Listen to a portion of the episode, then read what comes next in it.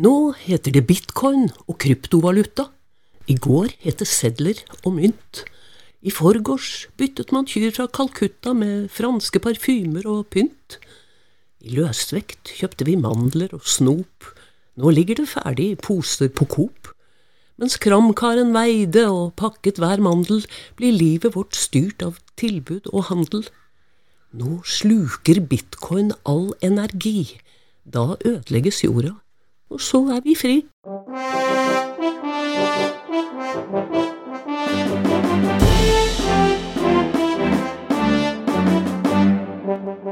Frie radikale podkast.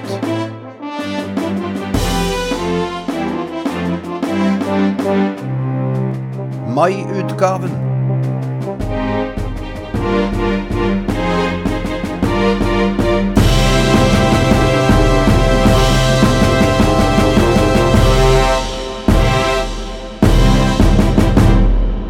Det er mai, du skjønne milde, og skogen er atter grønn som dollarsedler. Men det har, tro det eller ei, vært mai før også. De gode, gammelnorske navnene på årets tolv måneder er jo for lengst forsvunnet i det språkhistoriske dragsuget. Og det gjelder også det selvforklarende norrøne navnet på mai måned, gaukmånader, gjøkmåneden. Vi holder oss til det gammelnorske, da 20. mai heter Mjolne, eller Mjølners festdag. Guden Thor sin hammer, den han lagde tordrønn med. Og i år faller dagen faktisk på en torsdag, altså guden Thors dag. Mens lørdag er en forenkling av laurdag, som er en kortform av laugardag, som igjen går tilbake til det norrøne laugadager, som altså betyr badedagen. Og av dette kan vi lære at selv vikingene badet en gang i uka. Hvis ikke de var i Viking, da. Da gikk det vel mest i blodbad. For 112 år siden, eh, vi vil anta i mai måned, nådde oppdageren Robert Perry Nordpolen og mente selv at han var den aller første i hele verden til å gjøre akkurat det. Han tok nøye vare på alle sine beregninger og observasjoner, og det skulle han aldri ha gjort. For ettertiden kunne konstatere at han bommet på polpunktet med flere titalls kilometer. Og senere, i 1926, muligens i mai, ble vår alles nasjonalhelt Roald Amundsen den første til å befinne seg rett over Polen, sammen med resten av mannskapet på luftskipet Norge. Mens den aller første til fysisk å fotsette polpunktet ble oberstløytnant Joseph O. Fletcher, som landet der den 3. mai 1952. Egentlig var det jo piloten som landa, og navigatøren som fant Polen. Alle de ni i mannskapet hadde jo viktige oppgaver, mens han Fletcher sjøl bare hadde én å sette foten først på Polen. Som Bertolt Brecht en gang skrev, den unge Alexander tok India. Han alene. Cæsar slo gallerne. Hadde han ikke engang med seg en kokk? I 1503, den 10. mai, gikk Christoffer Columbus i land på en vakker øygruppe hvor det fantes så mange havskilpadder at han fluksen støpte øya for Lath Tortogath.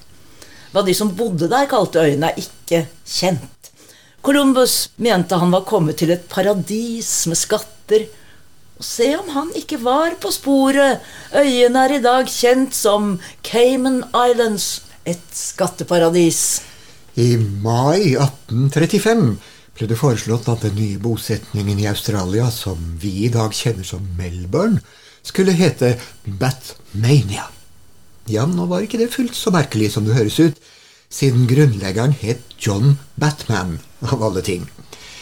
Noe som minner meg om den gang min yngste sønn, som var, og for så vidt er, ihuga Manchester United-fan, og hans beste kamerat, som var mer opptatt av film og tegneserier, ble spurt om hva Lynvingen heter på engelsk. Begge svarte uten å nøle. Batman. Ryan Jiggs. I mai 1823 dirigerte Ludvig van Beethoven uroppførelsen av sin niende og siste symfoni. Stokk døv som han jo var, kom han litt i utakt, og fortsatte å dirigere lenge etter at orkesteret og koret var ferdig. Han syndet altså, uten å være klar over det, mot dirigentens første og viktigste bud, Stop waving your arms when the music stops. Men det la ingen demper verken på oden til gleden eller publikums stående ovasjoner.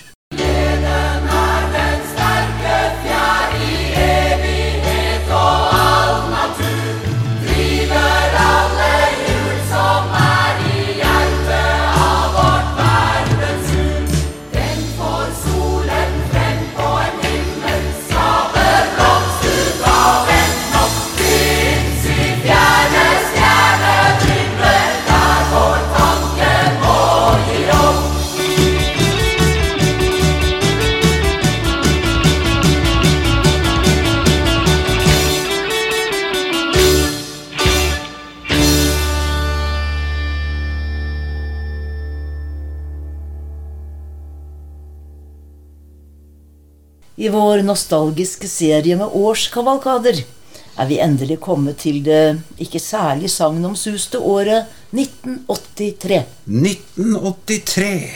Året da nakne nordmenn danset ballongdansen, da Ronald Reagan lekte Star Wars i verdensrommet, og den hypermoderne CD-spilleren suste inn i ca.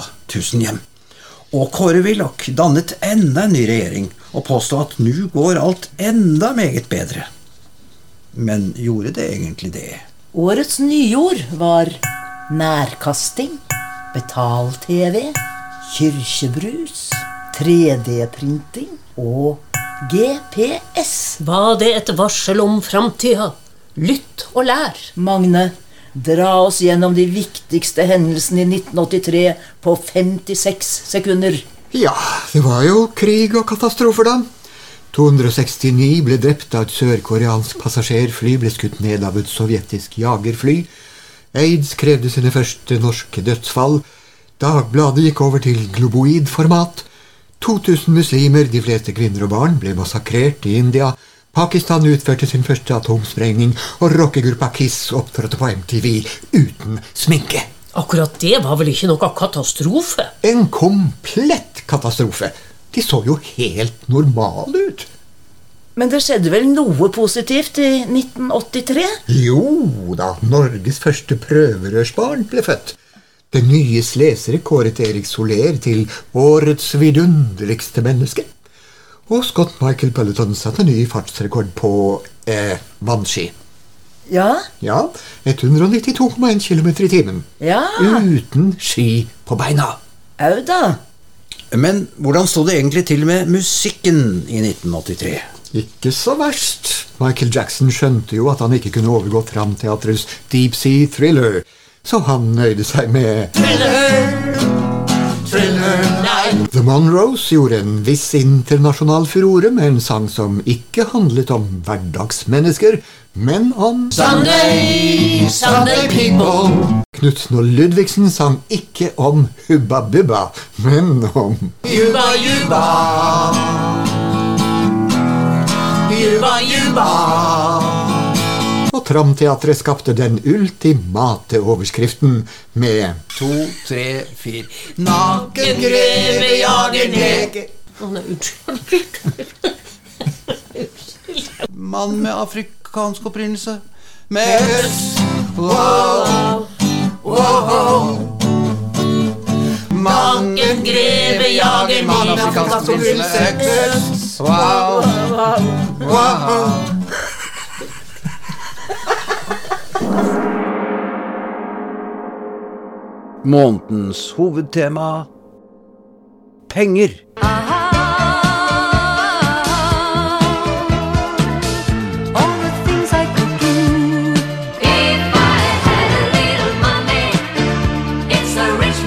world. Mynter og sedler er som vi alle vet på rask vei ut. De som fortsatt bærer på en barnslig drøm om å bade i penger, som onkel Skrue i bingen sin, må altså skynde seg. Men ut fra et folkehelseperspektiv er det neppe å anbefale. En studie utført ved universitetet i Oxford slo fast at en gjennomsnittlig europeisk pengeseddel inneholder 26 000 bakteriekolonier, inkludert E. coli og salmonella. Mens én mynt er hjem for flere bakterier og virus enn et toalettsete. Uttrykket skitne penger har altså en helt konkret betydning også. Før pengene tilsmussa menneskene, bytta man varer. Tre kaniner for ei øks og fem fisker for to brød. Storfe var et viktig byttemiddel, og ordet pekuniær kommer opprinnelig fra det latinske ordet for storfe, pekos. Så seint som i middelalderen skal ei håndskreven bok ha kosta tre kyr. Men i lengden så ble det tungvint å drasse rundt på kvegflokken sin for å få mjød og brød. Så, for rundt 3000 år siden begynte kineserne å lage bronseminiatyrer av byttemidlene. I stedet for de ekte oksene, øksene eller buksene. Miniatyroksen kunne så innløses mot en virkelig okse ved behov, eller mot verdien av en okse i andre varer. Symbolene hadde gjort sitt inntog i handelen. Og etter hvert som masseproduksjonen steg, sank kvaliteten på utførelsen av disse symbolene, så til slutt ble alle bronsesymbolene runde og flate, og voilà! Mynten var født. Rundt år 640 før Kristus fant mynten veien til Lydia i Lille-Asia, og derfra krysset den raskt Bosporosstredet til Hellas og videre til Romerriket. Etter hvert trillet romerske mynter over hele Europa og enda lenger, til Norge i nord og India i øst. Pengesedlene er også en kinesisk oppfinnelse fra rundt 700-tallet før vår tidsregning. De var jo ikke så slitesterke som mynter, men de var mye lettere, og derfor velegnet ved større transaksjoner, som ellers kanskje ville krevd vognlass med mynter. Europeerne fikk nyss om sedlene bl.a. gjennom Marco Polo, som hadde vært i Kina. Men de var lenge skeptiske til denne monetære nyvinningen. Det var svenskene som først tok sjansen i 1661, da Stockholmsbanken Banco trykte de første sedlene. De kunne innløses i sølvmynter i banken dersom man ønska. Det gikk aldeles storarta i noen år, helt til banken falt for fristelsen, som så mange konger senere også gjorde, å trykke flere sedler enn man hadde dekning for i sølv. Så allerede i 1668 gikk banken banko bankerott. Norge hang litt etter på seddelfronten, men ikke så veldig mye. Bare 34 år etter svenskene lanserte bergenseren Jørgen Thor Møhlen sedler pålydende 10, 20, 25, 50 og 100 riksdaler. Men til tross for kongelige seil var tiltroen til sedlene lav, og alle som fikk dem i hende, ilte til Møhlen for å få verdien utbetalt i sølv, og så mye sølv hadde ikke herr Møhlen. Så han gikk konkurs etter et år. Det ble rett og slett en for høy Møhlen-pris å betale. Det neste trinnet på veien mot det mynt- og seddelfrie samfunn kom i 1946, da det første bankkortet ble introdusert. I dag tapper og vipser vi som aldri før, med penger som altså egentlig ikke er penger, bare virtuelle tall og sifre. Eh, På sett og vis mindre virkelige enn monopolpenger. I dag trykkes det faktisk flere monopolsedler enn vanlige pengesedler. Så vår fascinasjon for monopolkapitalismen er tydeligvis urokket. Og noen tror fortsatt på trickle-down-økonomiens og de uhemmede lederlønningenes fortreffelighet. Argumentet er at ledere må ha en høy lønn, bare slik får vi de beste. Et ferskt eksempel? Finanstilsynet mener DNB har vært slurvete i forhold til hvitvaskingsloven og pålagt banken et gebyr på 400 millioner kroner.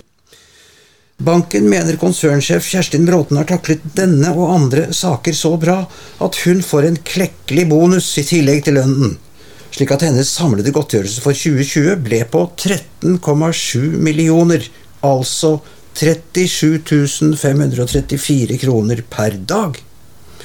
Logikken må vel være at hadde hun hatt lavere lønn, ville hun neppe ha klart å tappe firmaet for så mange penger. Akk ja, som de gamle romerne sa, peconia una regimen est rerum omnium. Pengene styrer alle ting, uansett hvilken form de har. Det er så tøft å være milliardær. Jo visst har vi til yacht og klær. Og heis av gull og eget tog, men utgiftene stiger òg. Følge opp eliten stiler, må holde kona ung og pen. Hva hjelper å ha 90 biler? Man kan jo bare sitte i en. Man tror vi er bekymringsfri, men nei, når sønnen fyller ti. Da går en dag til spar og skrubb. Han ønsker seg en fotballklubb. En tibetansk mastiff blir gaven til datterens hundekolleksjon. Men bare diamantene på kraven til hunden koster en million. Mens andre har fritid, konsentrerer vi oss om å skape nok en arbeidsplass. Vi la ut et selskap til på børsen, på mobilen mens vi satt på dass. De fattige taper på koronaen, milliardærer taper desto mye mer. For noen år siden var vi en eksklusiv gjeng. Nå er vi blitt en god del fler. Det koster å fly rundt til kunstauksjoner. Champagnen har gått opp til 10 000 kroner. Ja, det er tøft å være milliardær. Skandaler her og sladder der. De tror vi elsker å bedra. Nei, det tar advokater seg av. Selv går vi rundt med rene hender og frydes over vår suksess. Og kjøper oss respekt og venner.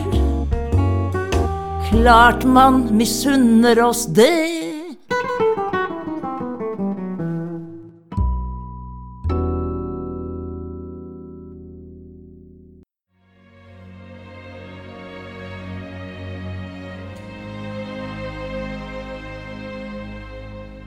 Om jeg taler med mennesker og englers tunger, men ikke har kjærlighet, da er jeg bare drønnende malm eller en klingende bjelle.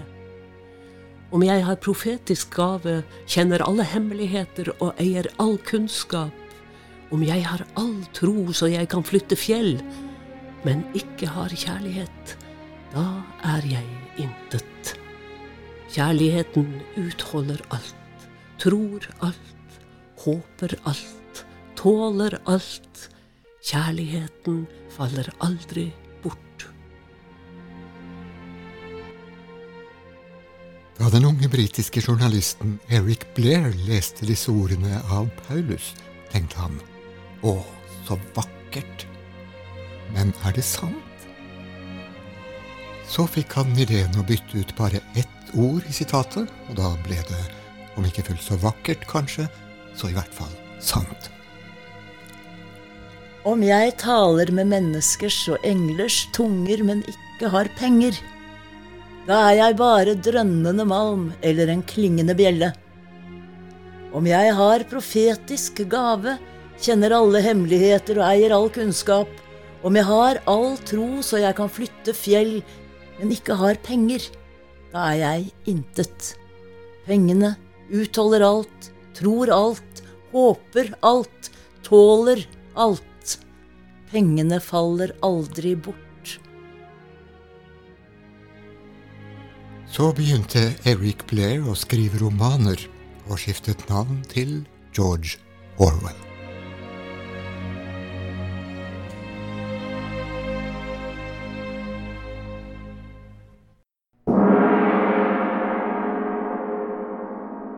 I serien Frøken, eller Frie radikale ødelegger klassikere ekstra nådeløst, er i dag turen kommet til Ludvig Holbergs Erasmus Montanus, publisert for nøyaktig 290 år siden.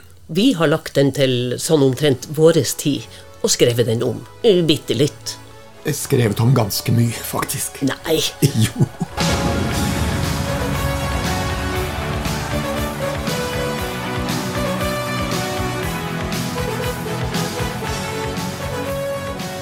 Jeg Rasmus Berg, student ved Handelshøyskolen Bedriftsøkonomisk institutt, hadde nettopp gratulert min yndlingsprofessor med styrevervet i Finansmarkedsfondet og var på vei hjem til folka mine i Innlandet. Og jeg, far hans Rasmus, var kjørt ambulanse til sykehuset i 43 år. Men nå har jeg endelig blitt deltidspensjonert, og sola skinner. Jeg heter Jensen, bare. Uten fornavn. Om vi skal se det sjøl, så er jeg en relativt kunnskapsrik kirketjener. Med ekstra sterke briller, og jeg besøker ofte familien Berg uten at de forventer å få noe igjen. Og jeg er mora til Rasmus, hjelpepleier på sykehuset, men har helgefri og står på kjøkkenet og røyker og hører på P3 og later som jeg vasker opp. Det er en lørdag i oktober ute på tunet der jeg vokste opp. Faren min står der med nesa i været og en pappkopp med nyplukkede jordbær og spiser og nyter. Jensen kommer og får et jordbær, han også. Godt. Det er ikke korona, vel? ja, jeg tenkte på den typen jordbær som heter det samme Ja, jeg skjønte det. Ja. Men eh, skulle ikke Rasmus komme hjem denne helga? Jo. Men jeg fikk mail ifra han i dag. Og det, ærlig talt, jeg forstår ikke helt. Hva skriver han da? Nei, det Du vet det kan være lett å glemme av dialekten sin i byen. Å ja. I gamle dager så snakka de latin, da. Både på skolene og i kirka. Jaså? Ja. I radioen òg? I radio Nei, nei det var noe før radioen, da, vet du. Men om det hadde vært radio, da hadde alt vært på latin. Værmeldinga og alt. Det Språket har utvikla seg bare siden vi var unge, Jensen. Den gang het det skreppe. Nå heter det væske. Eller Berthe. For ei fin Berthe, sier ungene på skolen. Når du mener væske? Ja. Jaså? Ja ja. Men hva betyr dette? Kjære pappa, jeg tar nå proaktivt ansvar for min egen PU. PU. PU? Ja. Eller kanskje PU. Å ja. Personlig utvikling. Ah, jo, jo, men proaktivt? Noe du renser halsen med, det. Naturmedisin, en kva eller en slags um, hostesaft. Å ja, ja, ja. Nei, han må få la stemmen i orden når han skal holde foredrag. Jeg vet ikke. Jeg har nå fått personlig coach. Det er en slags døffelcoach. Eller trenchcoach. Personlig døffelcoach? Det heter PC òg. Personalkompressor. Og PF. Personal fridge. Kjøleskap. Jaså. Ja.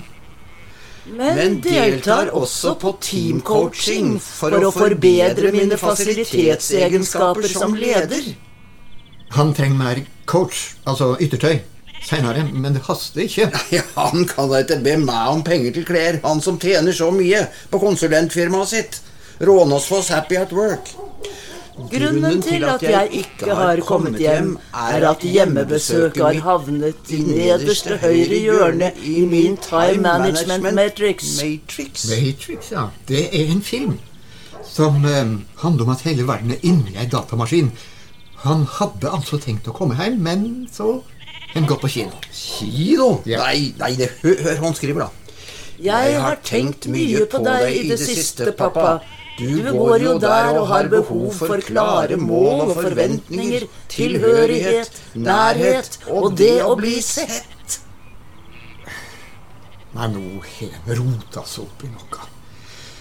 Du vet, I vår ungdom så var det jo golden power og hasj, men nå er det ecstasy, ketamin, drigolin, GHB og DTE Nei, nei, ikke, stoff. Ikke på han. han. Han jobber så mye, må være klar i hugget, ellers så går det ikke for han. Men sa du ikke nettopp at han ba om penger til kleda? Stakkars Rasmus. Jeg husker at han eh, prøvde å selge bestemora si frimerkesamling fordi han sparte til moped. Moren min hadde akkurat hørt på helgepraten og kåt papegøye. Nå kom hun ut med en flaske Egge gård sommerakevitt og tre glass på et fat. La, la, la, skal det være en lørdagskveld? Åh, jeg gleder meg slik til Rasmus kommer. Men så synd at han går på stoff, da. Stoff? Mener du narkotika? Ikke tull slik, Jensen. Mm, jeg husker den gangen du hadde kraftkul, og så var det bare brennevinsflaske på innerlomma di. Ja. ja, litt moro skal han jo ha. Ja, ja, ja, vi har prøvd å lese brevet hans. Og det kan se ut som han er litt forsinket fordi han har vært på kino. Nei, men i all verden! En som har gått på BI, blir jo nesten som en helt annen sort, vet du. Lærer å tjene penger bare med å se på folk. Hvis en da ikke skulle være uheldig å havne i stoffmiljøet. Se på Olaug Bollestad. Hun gikk på koffein. Der sto de alle tre da jeg kom slentrende rundt hushjørnet med hvit skjorte åpen i halsen og en mørkeblå jakke slengt over skuldrene. Hei, her kommer jeg. Står til. Mamma. Far. Rasmus. Du går etter på kokain, vel? Du prater jo norsk, i hvert fall. Jeg forsto ikke den siste mailen din, jeg, gutt. Å, beklager. Den var uh, selvironisk ment. Jeg kunne ikke dy meg. Nå arbeider jeg i et firma som finner på nye ord og, og, og, og selger dem. Hvor lenge blir du her, Rasmus? Hva slags ord da? Ytelsesspesialisering, incitamenter, sanksjoner. Vi må forandre tankegangen vår, og språket er redskapet. Finner de på disse orda, da? Vi finner dem, plukker dem opp og gir dem ny betydning. Jaha. Nei, nå skal du høre. Nå som jeg erber bare 50% så har jeg endelig tatt meg tid til å prøve litt økologisk jordbærdyrking. Du kan tru en er lykkelig når den vasser ut i åkeren der i all slags vær. Og så får den luft, vet du. Problemer med jordbær uten sprøyting er gråskimmel og mjøldogg. Men hvis du vatner regelmessig og fjerner gammelt bladverk, og så har jeg funnet ut at, at, at det går an å beskytte blomma mot infeksjoner ved å bruke aresopper. Men far, da? Har du ikke noe annet å bruke fritiden din til? Er det noen som vil kjøpe de bærene der? Jeg har ikke tenkt å selge, bare gi bort. Men jeg har ikke vært så glad på lenge. Senga sengana. Og bæra er fole gode, ja, det skal de ha. Gi bort! Fy faen. Globaliseringen krever et ufravikelig fokus på effektivitet. At det var. Mor, du vasker rumper på sykehuset. Far, du kjører ambulansebil og dyrker jordbær. Jensen, du bestyrer kirkebygningen, og det er flott alt sammen. Men det ville ikke vært mulig om ikke noen hadde skapt de verdiene som gjør at dere kan holde på med deres. Vi andre må levere noe det er etterspørsel etter i et marked. Er det ikke lenger etterspørsel etter sykehustjenester? Det er overskuddet fra verdiskapingen i markedet som gjør at vi i det hele tatt har sykehus. Det gjør vondt å si det, men dere tre er faktisk verdiløse. Nei, Verdiene skapes i markedet. Mor vasker rumper fordi de som skaper verdier i markedet, gir henne penger til å gjøre det. Ergo er mor verdiløs. Når du sier det slik, Rasmus, så kjenner jeg meg faktisk verdiløs. Da moren min sa det, kjente jeg smerte for mor blandet med den berusende følelsen av magisk makt over andre mennesker. Det ble en tung helg. Men jeg hadde den nye tiden i meg. Kom hit over venner og lytt til min sang. Og innrøm at plassen de ga oss var trang. Deres løfter var store, vår ventetid lang. Men nå er vår tålmodighet slutt. Nå vil sosialistenes lenker bli brutt. It's a hard rains are gonna fall. Kom stortingsmenn, statsråder, hør våre krav. Og svar oss, hvor ble alle fargene av? Vi kjedet oss helt ifra vugge til grav. Og kvaltes av byråkrati. Og skatt og politisk korrekt hykleri. Og ansvaret is blowing in the wind. Kom børsmegler, eier og BI-student. Og la oss nå lære av det som har hendt. Profitten skal rå der det gamle blir brent. Det verdiløse kveles i hjel. Vær høyreist og stolt når du selger din sjel, for the times they are a changing.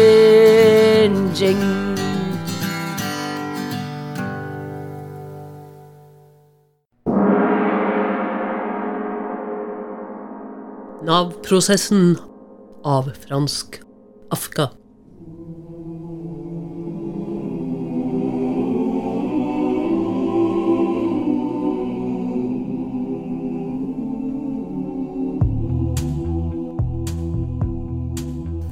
Så god. God dag. Mitt navn er Pål Ledelsen. Jeg er sykehusleder. Fødselsdato. Eh, 27.69. Ja, jeg kommer altså fordi det har skjedd Rasol. Hva behager? Du er her pga. Rasol. Eller altså relokasjon av samfunnskritiske strukturer, helsepersonale og ledere. Jeg trodde du var fortrolig med betegnelsen. I praksis betyr Rasol at sykepleiere har overtatt lederlønningene, mens lederne har fått sykepleierlønn. Sykepleierne reddet liv under pandemien, lederne satte liv i fare ved ikke å være forberedt, verken utstyrsmessig eller organisatorisk, noe som måtte få konsekvenser lønnsmessig. Dette vet du selvsagt, men du syns det blir litt snaut med penger, derfor er du her, stemmer? Jo, jeg kan ikke leve på denne lønnen. Jeg har høye boutgifter til min bolig Til en ikke nedbetalt enebolig på 237 kvadrat i Holmenkongveien 23. Den må du selge. Men vi kan tilby en kommunal bolig i Nedslittveien 2. Hør nå her! Jeg har en viktig jobb. Jeg er sykehusleder, og jeg trenger Og trenger en ikke en representasjonsbolig. Du kan ta imot gjester på kontoret ditt. Sykepleier Svikti har for øvrig overtatt ditt kontor. Du har fått hennes. Hva? Det er uhørt! Hva har Nav med den interne organisasjonen på sykehuset Vi å har fått utvidede fullmakter under Rasol eh, når det gjelder trygden din. Ja, den er altfor liten. Og mindre blir den dessverre.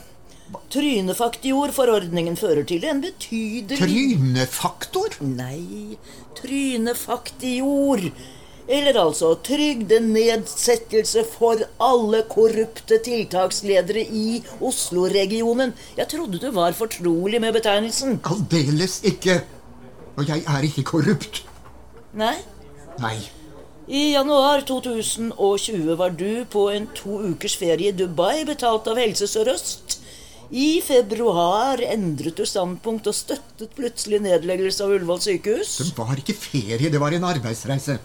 Ett møte med en laverestående helsebyråkrat i Abu Dhabi og to uker i baren på Hotel Burry All Arabs. Burj al Arab. Ja, nettopp. Jeg sa jo det. Dette ser ikke bra ut, ledelsen. Edelsen. På ledelsen. Beklager. Rasismeanklager tar vi på høyeste alvor.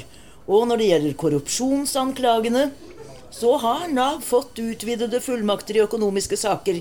Jeg henviser til fy faen-forordningen. Fy faen. Ikke bann. Fy faen betyr for ytterligere fullmakter angående økonomisk nedskalering. Jeg trodde du Nei! Jeg er ikke kjent med det idiotbegrepet. Idiot står for intensiv definansiering innen Stopp! Hva sa du? Jeg sa stopp! Nettopp, det var det jeg trodde. Jeg noterer. Stopp alle utbetalinger Nei. til Edelsen, Pål. Nei, nei, vær så snill, da. Jeg trenger penger. For sent, dessverre. Men vi kan tilby et omskoleringskurs. Underhjelpepleier 2. Sikker ansettelse og høy lønn. Veldig høy lønn. Dritt! Nei, dritt! Den reduserte intensivordningen til teateransatte er andre dør til høyre. Så god. If you are the healer, means I'm broken and lame. If thine is the glory, then mine must be the shame. You want it darker. We kill the flame.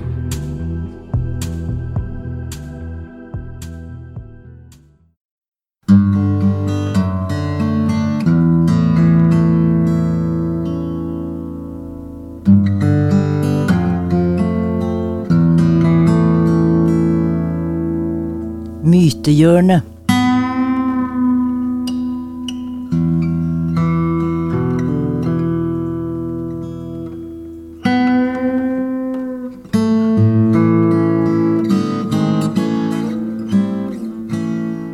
Ingen slave kan tjene to herrer. Han vil hate den ene og elske den andre, eller holde seg til den ene og forakte den andre. Dere kan ikke tjene både Gud og mammon. Sitatet er fra evangelisten Lukas, 16. kapittel, 13. vers. Det er en tone i Lukasevangeliet som gjør det naknere, enklere og mer rett til poenget enn i de øvrige evangeliene. I de tre andre advares det også mot rikdommens farer, men vagere. Salige er de fattige i ånden, for himmelriket er deres, heter det hos Matteus. Salige er de fattige, skriver Lukas. Dere kan ikke tjene både Gud og mammon. Et helt entydig bibelsitat. Det gis ikke rom for alternative tolkninger, det kan ikke brukes til estetisk nytelse i røkelseslukt av sjeler ute etter religiøs inspirasjon for å utvikle opplevelsessfæren og berike personligheten. Meldingen er tvert imot svært ubehagelig for de aller fleste av oss. Det er ikke noe problem å ta stilling for Gud og mot Satan, de aller fleste kan gjøre det, uten å forplikte seg, uten å miste noe eller forandre på noe som helst. Mammon er det verre med. Mammon er den personifiserte grådigheten, gjerrigheten og korrupsjonen. Mammon er den inkarnerte verdenskapitalismen. Mammon er ExxonMobil, GP Morgan og Equinor, Apple, Microsoft, Nestlé, Roche, Coca-Cola, Shell, IBM, Facebook, Google, Huawei, Olav Thon og Kjell Inge Røkke. Mammon sender SMS til statssekretær Anne Grete Erlandsen i Helse- og omsorgsdepartementet for å få flere utenlandske arbeidere til Norge, selv om annet er vedtatt, for Mammon driter i smittespredning og død. Mammon vil alltid ha mer penger enn noe annet. Mammon får oss til å tro at vi for sikkerhets skyld må tenke på oss selv først, at meningen med livet er å arbeide til vi stuper uten å protestere, og at det meningsløse kjøpepresset har en mening. Mammons budskap er at et fattig menneske er et verdiløst menneske.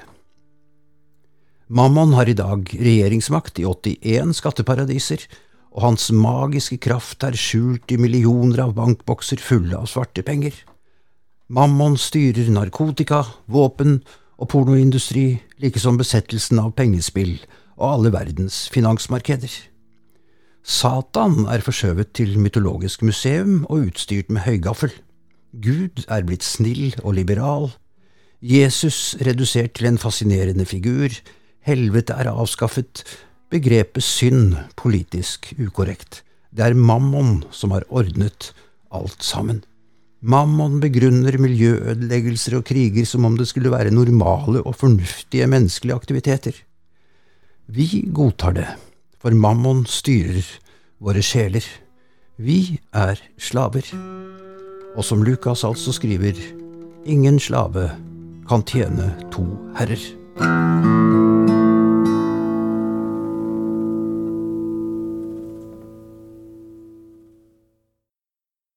Blåkallen i Vesterålen.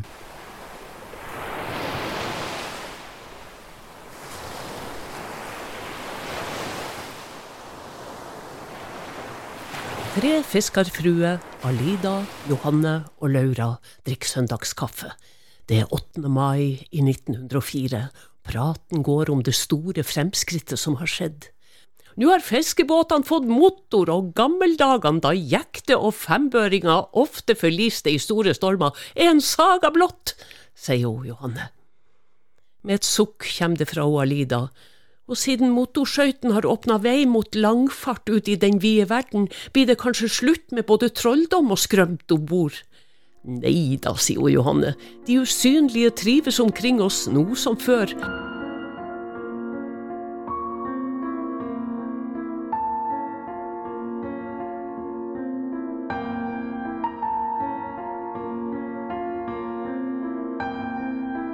Fiskerne påstår at de samme hjelperne som fulgte etter gammelbåtene, liker seg godt i de nye farkostene også.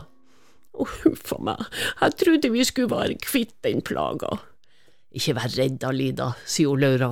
Blåkallen som flytta om bord i skøyta hans Mikkel, varsler han med en gang hvis det er fare for båten, ikke sant, Johanne? Og Johanne nikker og forteller. Han Mikkel sier at hvis Blåkallen flytter fra skuta hans, så selger han henne på flekken, enda han aldri har tenkt å skjelle seg av med den. Det skjedde forresten noe i februar da de var i Vesterålen på vårskilla. Mannskapet var gått på land for å feire full last, så han Mikkel var alene på vaka. Plutselig hørte han rasling i ankerkjettingen og støvelsteg på dekket, men da han kom opp, så var det ingen der. Ikke lå det båt attmed leideren heller. Sjøen var spak, og det var helt stille, så han gikk nå bare ned igjen og la seg på køya. Men da han var på vei inn i søvnen, ble han brått vekt opp. Uling av sterk storm i ryggen og kjettinger som rasla og kvein, mens tunge skritt sprang over dekket. Han Mikkel for opp i svarte natta for å berge skøyta fra uværet, men da han kom på dekk var det like stille som første gangen. Idet han skulle gå ned igjen, fikk han et glimt av en liten blåkledd kar som strøk forbi han uten en lyd. Etter ei stund kom mannskapet om bord, og han Mikkel ga ordre om at de straks skulle buksere båten tvers over fjorden og fortøye henne der. Mannskapet trodde kapteinen var blitt tullete og nekta å fare over. Ingen forgår til ro før båten er fortøyd på østsida, ropte han, og mannskapet måtte gi seg. Utpå natta røk det opp til en austavindstorm som ingen hadde sett maken til noen gang. Han Mikkel og mannskapet så at båtene som lå ved Vesterlandet, hadde slettet seg og for i villskap på den opprørte fjorden. Så du skjønner det, Alida, at hvis ikke Blåkallen hadde varsla, så hadde ikke vi hatt fangst i år, og slettes ikke båt. Nå ja, sier jo Alida, det er nå ikke alle dauinger som kommer med det gode.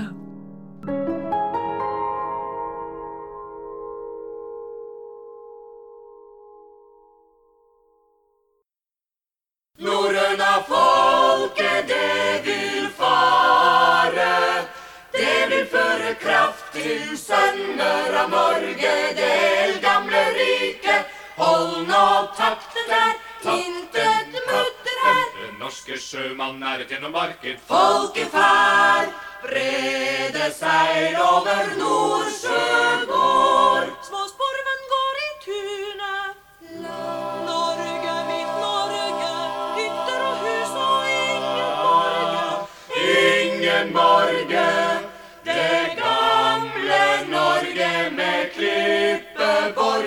meg huer best. Norges beste, vern og feste, er dets høye fjell. Og mens vi synger muntre i klinger, sprenger vi berget i luften med krutt. Pang! Se Norges blomsterdal. Du gamla, du fria, du La-la-la-la, ja lystelig det er i nord blant fjell og li og fjordene blåner som markens fiol. Og grisen heter Giss, Giss, Giss. Der ligger et land mot den evige evige evige sted. I revnene kun er det svulmende hjerter og glødende kinner. Du gamla, du fria, Svulmende hjerter og glødende kinner. Vi pyttes og seg lagar alle dagar. Glødende kjenner og glødende hjerner og fjellene selv roper langt.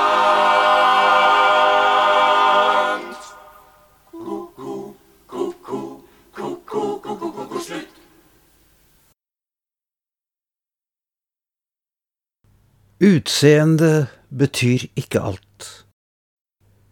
Utseende betyr ikke alt. Utseende betyr ikke alt. Inntekt betyr også litt.